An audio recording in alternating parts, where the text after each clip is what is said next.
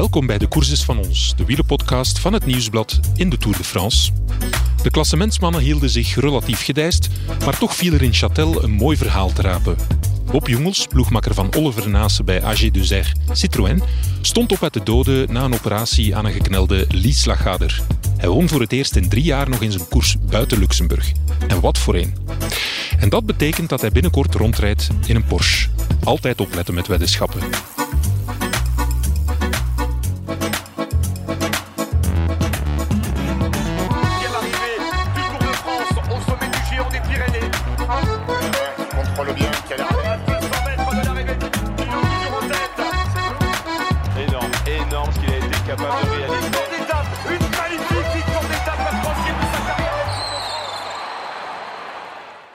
Oliver Nase is altijd goed voor een verhaal. Toen de collega's hem vroegen naar de ritwinst van ploegmakker Bob Jongels, kwam hij met een schitterend weetje. Dankjewel Olly, namens collega Wim Vos, die meteen een goede inleiding had voor zijn stuk.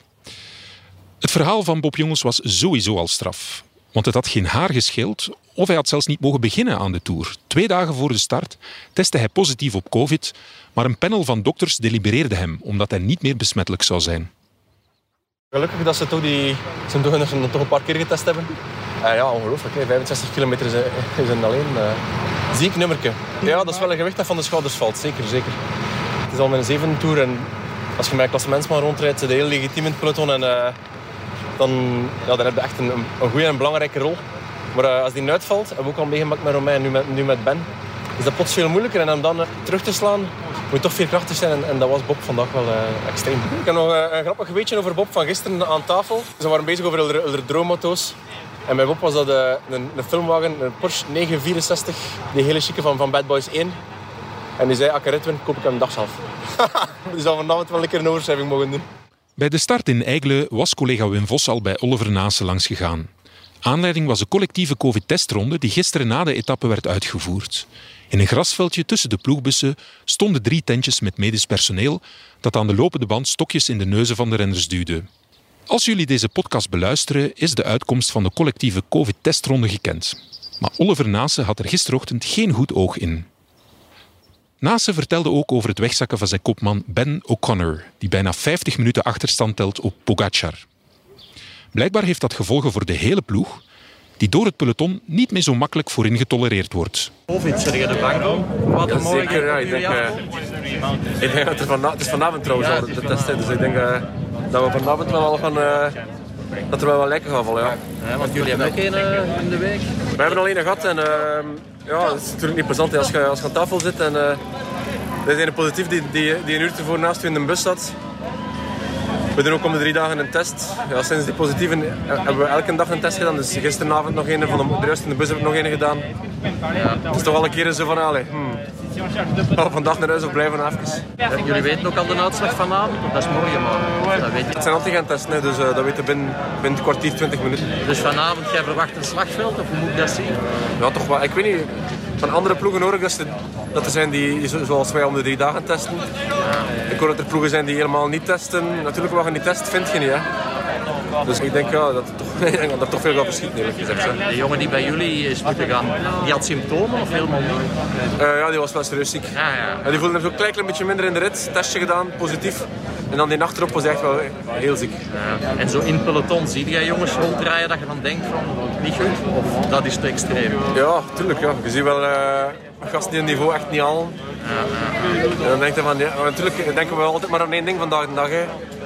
We denken altijd direct COVID, ja, voor hetzelfde geld. Ja, die zich gewoon overzetten of, of, of zijn die gewoon iets minder in vorm. Maar uh, ik denk dat een train of thought gaat toch zeer snel naar, naar corona. Ja, en vind je dat een tour genoeg doet voor jullie om jullie te beschermen?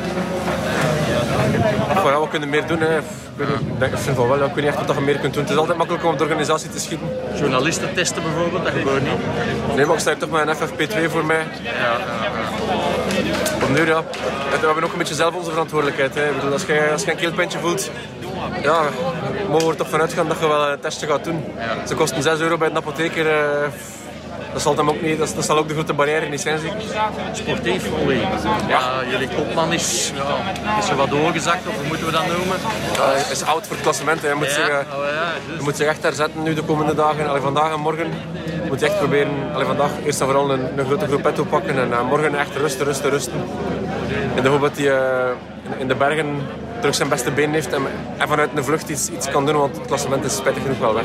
En dat betekent dat heel de ploeg zich wel moet herzetten, jullie ook? Ja, dat is toch wel een klop dat je krijgt. Ja. Uh, hoe zie je dat op de weg? Bijvoorbeeld gisteren, waar dat we andere dagen altijd mooi voorin konden rijden met Ben, wordt dat gisteren natuurlijk minder getolereerd, want ze zijn minder legitiem natuurlijk. Je, hebt, je doet niet mee voor de ritwinst en je hebt geen klassementsman om te beschermen, dus uh, je positie voorin in het peloton wordt, wordt constant gecontesteerd.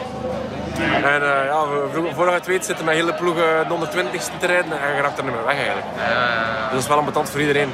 En voor jezelf geeft dat wat meer vrijheid? Ik zeg maar zo de ritme Saint-Étienne of zo. Allee, ja, ja, voor mij geeft dat wel... Maar mijn ding was eigenlijk vooral de eerste week hè, dat, ik, dat ik echt met, met Ben moest rondrijden. En, en, nu voor de rest van de Tour heb ik eigenlijk wel vrijheid. Ja. Maar ja, een dag like vandaag kan ik er niet veel meer doen met mijn vrijheid. Maar bijvoorbeeld naar Saint-Etienne, dat is wel een mooie dag om mee te zijn. We hebben al gezien, de dag dat Wout vooruit reed, was ook een dag dat ik graag zou mee zijn. Er wordt gigantisch afgestreden voor, uh, voor de vlucht. Dat zal, zal dan niet anders zijn, denk ik. Ikzelf liep bij de start Patrick Lefevre tegen het lijf. Goed gemutst, letterlijk en figuurlijk, want hij droeg een wit hoedje tegen de brandende zon. Ik moet zeggen, het stond hem wel goed. En Lefevre had nieuws. Casper Asgreen zou niet aan de start van de etappe komen. En de rentree van ploegleider Tom Steels liet nog even op zich wachten. Je hebt minder nieuws vandaag. Ja, Casper uh, Asgreen uh, start niet meer, dus we hebben besloten om hem niet meer te laten starten. Hij heeft zijn knie dus zijn patellapees gestoten en uh, de ronde van Zwitserland met de hakken over Sloot hier geraakt natuurlijk. Denemarken was in een lifetime, we er absoluut bij zijn. En we hopen, Casper is een van de eerlijkste renners in peloton, denk ik, met heel veel waardes. Dus hij wou absoluut bij zijn, maar hij heeft ook niet geveinsd dat het over was. Maar het is alleen maar verslecht. En daardoor is hij eigenlijk zijn linkerbeen 600 gram spieren kwijt. En als uh, we willen geen risico pakken, we uit de toer halen. Uh, zo rap mogelijk een scan doen. Programma maken dat hij moet uh, uh, oefeningen doen voor die spier, terug, die spier terug bij te werken. En hopelijk kan recupereren uh, eind augustus om dan goed na het seizoen te worden. Ja, inderdaad, 600 gram spier kwijt door die, die knie, die, dat been minder te gebruiken waarschijnlijk. Je moet dan opletten dat het ja, niet... maar het uh... schijnt dat de reactie is van het lichaam. Ik ben geen dokter, anders moet ik bij de dokters gaan. Ja. Maar dat door de reactie van het lichaam gaan die spieren eigenlijk vanzelf weg. Omdat ze niet... Oh. Door de reactie van die patella kan werken die spieren zoals het hoort. Ja. En weet ook een spier die niet gebruikt wordt, die vermindert. Ja. Dus en nu is het echt het doel van zien dat je Casper voor de rest van het seizoen niet, niet, niet kwijt. Want ja, als hij nee, verder zou gaan, nee, dan... Nee, nee, want ik denk dat we meer schade zouden berokken dan... Het is niet dat hij niet kan rijden, vooral duidelijkheid. Maar als je benen even weg te zijn, dan gaat dat dan misschien in een bergrit op je rug gaan, uh, zeg op de rug gaan verplaatsen. Dan zit je helemaal verkrampt op de fiets, dat is niet oké. Okay. Tom Steels is er terug bij. Beestje nee, is... Nee, nee, nee. Nee. niet? Je ziet niet meer zitten. Nee? Nee, wacht. Ah, ik had het nieuws uh, vernomen dat hij zou terugkeren ja, wij. Ook. Ja. Wij ook, kijk. Kijk, hij gaat hier li live in de sms'en of in de WhatsApp kijken. dus letterlijk, dag Patrick Straf, beestje. Ik blijf knalrood testen op antigen. Ik ga vanavond de euro's voor een PCR-test. Misschien dat ik dan via de CT-waarde zo opnieuw een zicht krijg op het terugkeer. Anders ga ik er een goede whisky drinken. Succes vandaag. Ik zei, ja wat, drink maar een halve fles. Ja, laat ons hopen dat vooral het beestje hier wegblijft in het pelotonpad. Ja, het is genoeg geweest. Voor ons in alle geval is het genoeg geweest. En uh, ja, morgen gaan we meer weten. Hè, want vanavond om 8 uur zijn officiële controles. Ja. Dus uh, het zijn bepaalde proeven. Het wordt weer in de pers een groot spel gemaakt dat uh, Mollema zou gezegd hebben dat hij een beetje ziek is. Ja. En, maar dat ze niet testen bij, bij zijn ploeg. Ja, wij testen dat wel. Ja. Maar, uh, Vanavond zullen de maskers afvallen dan, degene die... Ja, we, we hebben ze toch al aan. Hè, dus. ja, figuurlijk. Oké, okay, Patrick. Ja. Fijne dag. Toen ik toevallig Patrick Lefevre tegen het lijf liep, was ik eigenlijk op zoek naar Magnus Kort Nielsen, die het drieluik in Denemarken kleurde door twee keer op rij mee te gaan in de ontsnapping en negen keer op rij als eerste op een helling met punten voor de bolletjestrui boven te komen. Hij verzorgde telkens de show door de Deense fans op te jutten. Het ligt geheel in de lijn van zijn ploeg IF Education. Ze rijdt rond met roze fietsen en laat renners en personeel roze crocs dragen. Magnus Kort Nielsen is sowieso al een kleurrijk figuur. Ook omwille van zijn onvervalste blonde pornosnor. En op Instagram heeft hij een bijzondere hobby.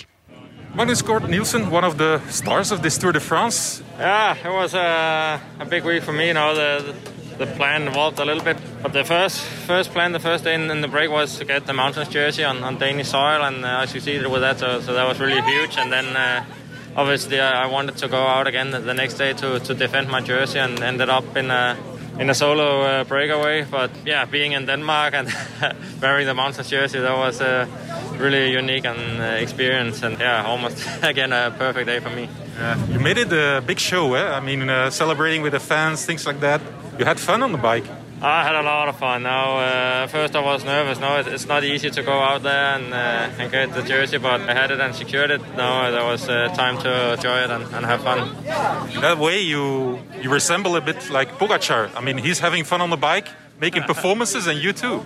Yeah, maybe. I think when it goes well, it's a lot easier to have fun on the bike than the opposite. Yeah. yeah. The moustache. Explain me. Since when you had this, and, and who was your inspiration for this moustache? I've had it for quite a few years now. I think. Not sure who was where I got it from, but I think I've always liked moustaches. Like seeing them as fun, and uh, it took some some years before I've been able to, to grow a beard. I think that's also one of the ways that it started like I, I, couldn't really grow a full beard, so then uh, I settled on, on, a, on a mustache instead. Yeah. Your girlfriend or wife is okay with it? Yeah, she is. I think uh, she likes it. we know you also uh, for your hotel reviews. Explain a little bit. It's on Instagram, but it's pretty serious. Yeah, it is. Yeah, what do you do? I, I started a few years back when I was on Astana. They wanted me to to be more active on social media. I never posted anything, and uh, yeah, so I came up with this idea to review the hotels because for me, showing just pictures of bike riding or races and it's a bit weird. It's a bit the fake world you're showing in a way. And uh, I thought if I could show every single hotel, I didn't have to, uh, yeah, pick the good ones or the bad ones. I could show everything, and I could also be honest, which uh, I'm missing sometimes now. We have so many sponsors. We have to say talk positively about. Not that it's bad or, or good, but you really can't trust anything now coming yeah. from from a team because. Explain us the worst hotel you're ever were in. Uh, I think then we have to go back before I did that now, uh, junior times. Uh, I was doing a, a, stage race in Poland there. We stayed on a really horrible uh, hotel, but also uh, junior um, Nations Cup, the, the peace race. I think it's also notoriously known for, for bad hotels. and what, what I have to imagine with a bad hotel is that just the food or even the room, the bed? The food is terrible, first of all, but the room will also be with dirty, really old beds with stains on, fungi on the walls, like that, that kind of thing. Yeah. Uh, you, I heard you have a positive um, test in the team, Guerrero. Uh, is, are you a little bit uh, afraid of that?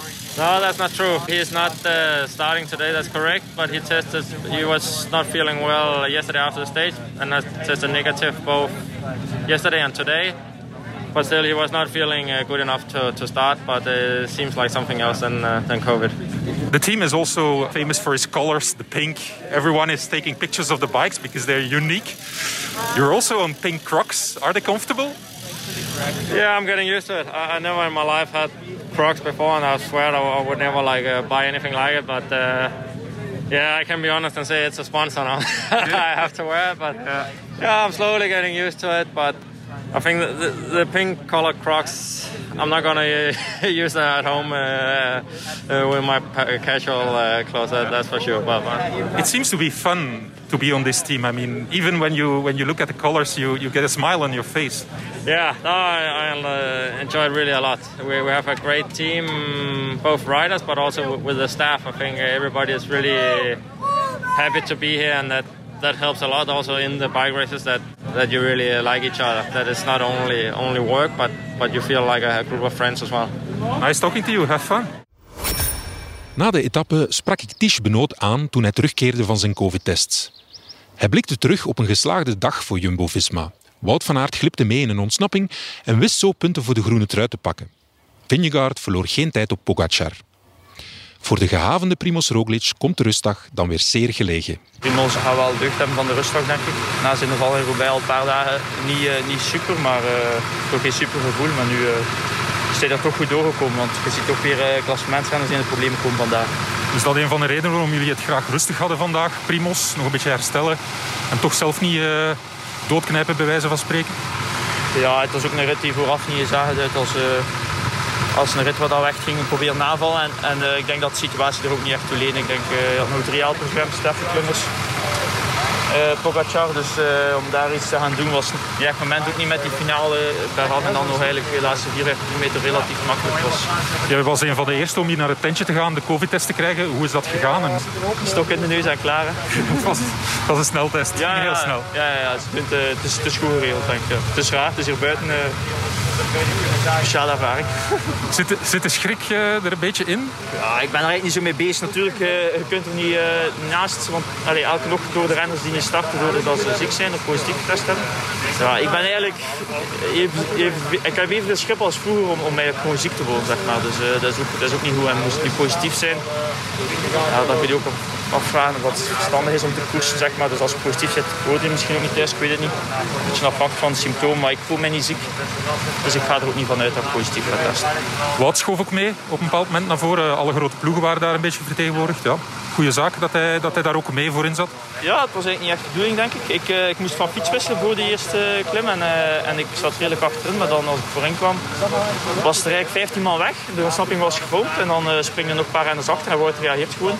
Een beetje te controleren, denk ik. En ze krijgen een had en ze rijden er naartoe. Dus ja, voor ons was dat prima. Hij pakt 20 punten op de vrije economische manier en komt de rit ook rustig door, denk ik. Welke balans maak jij nu op? Het is uh, rustdag morgen na de eerste tourweek. Het is eigenlijk iets langer dan een week. Ja, ik denk prima. Hè. Buiten die Robert uh, hebben we alle dagen gescoord. Bijna alle dagen. Wout staat zeer stevig in het groen. En uh, Jonas staat tweede in het klassement. En Primos is, is een beetje met zijn beste been terugvinden. Dus ik denk dat we niet mogen klagen. Ook als je ziet dat we vandaag met vijf man er, erbij zitten in die laatste grote groep, dan dat biedt perspectief.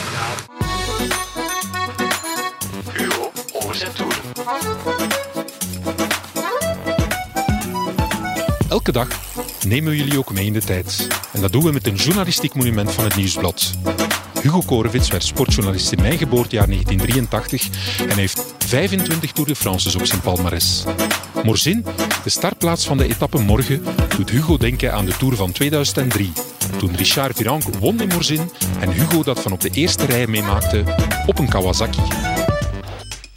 Toen was dat helemaal nieuw.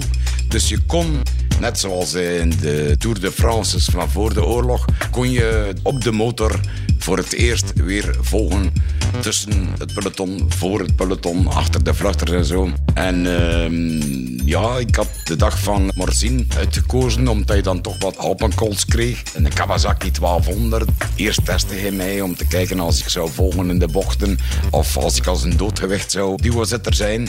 Maar uiteindelijk was het ja, een fantastische dag, gevaarlijke dag, 120 per uur naar beneden.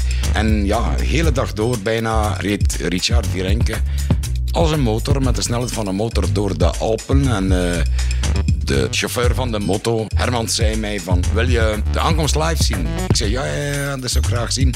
Weliswaar steen kapot al aan de rug van het wringen en het doen op die motor. En ja, het is de eerste enige koers dat ik vroeger binnen was dan de winnaar bij. Vier minuten daarvoor stapte ik van de motor af en zag ik Richard Virijn winnen voor Patrick Lefevre, zijn ploeg. En ook het geel nemen. Ja, dat was een groot moment uh, voor de twee, Lefevre en Virenke. Want Lefevre had zijn nek uitgestoken door na de Festina-affaire en zijn schorsing Virenke nog een kans te geven. En hij heeft bedankt met een hele trui.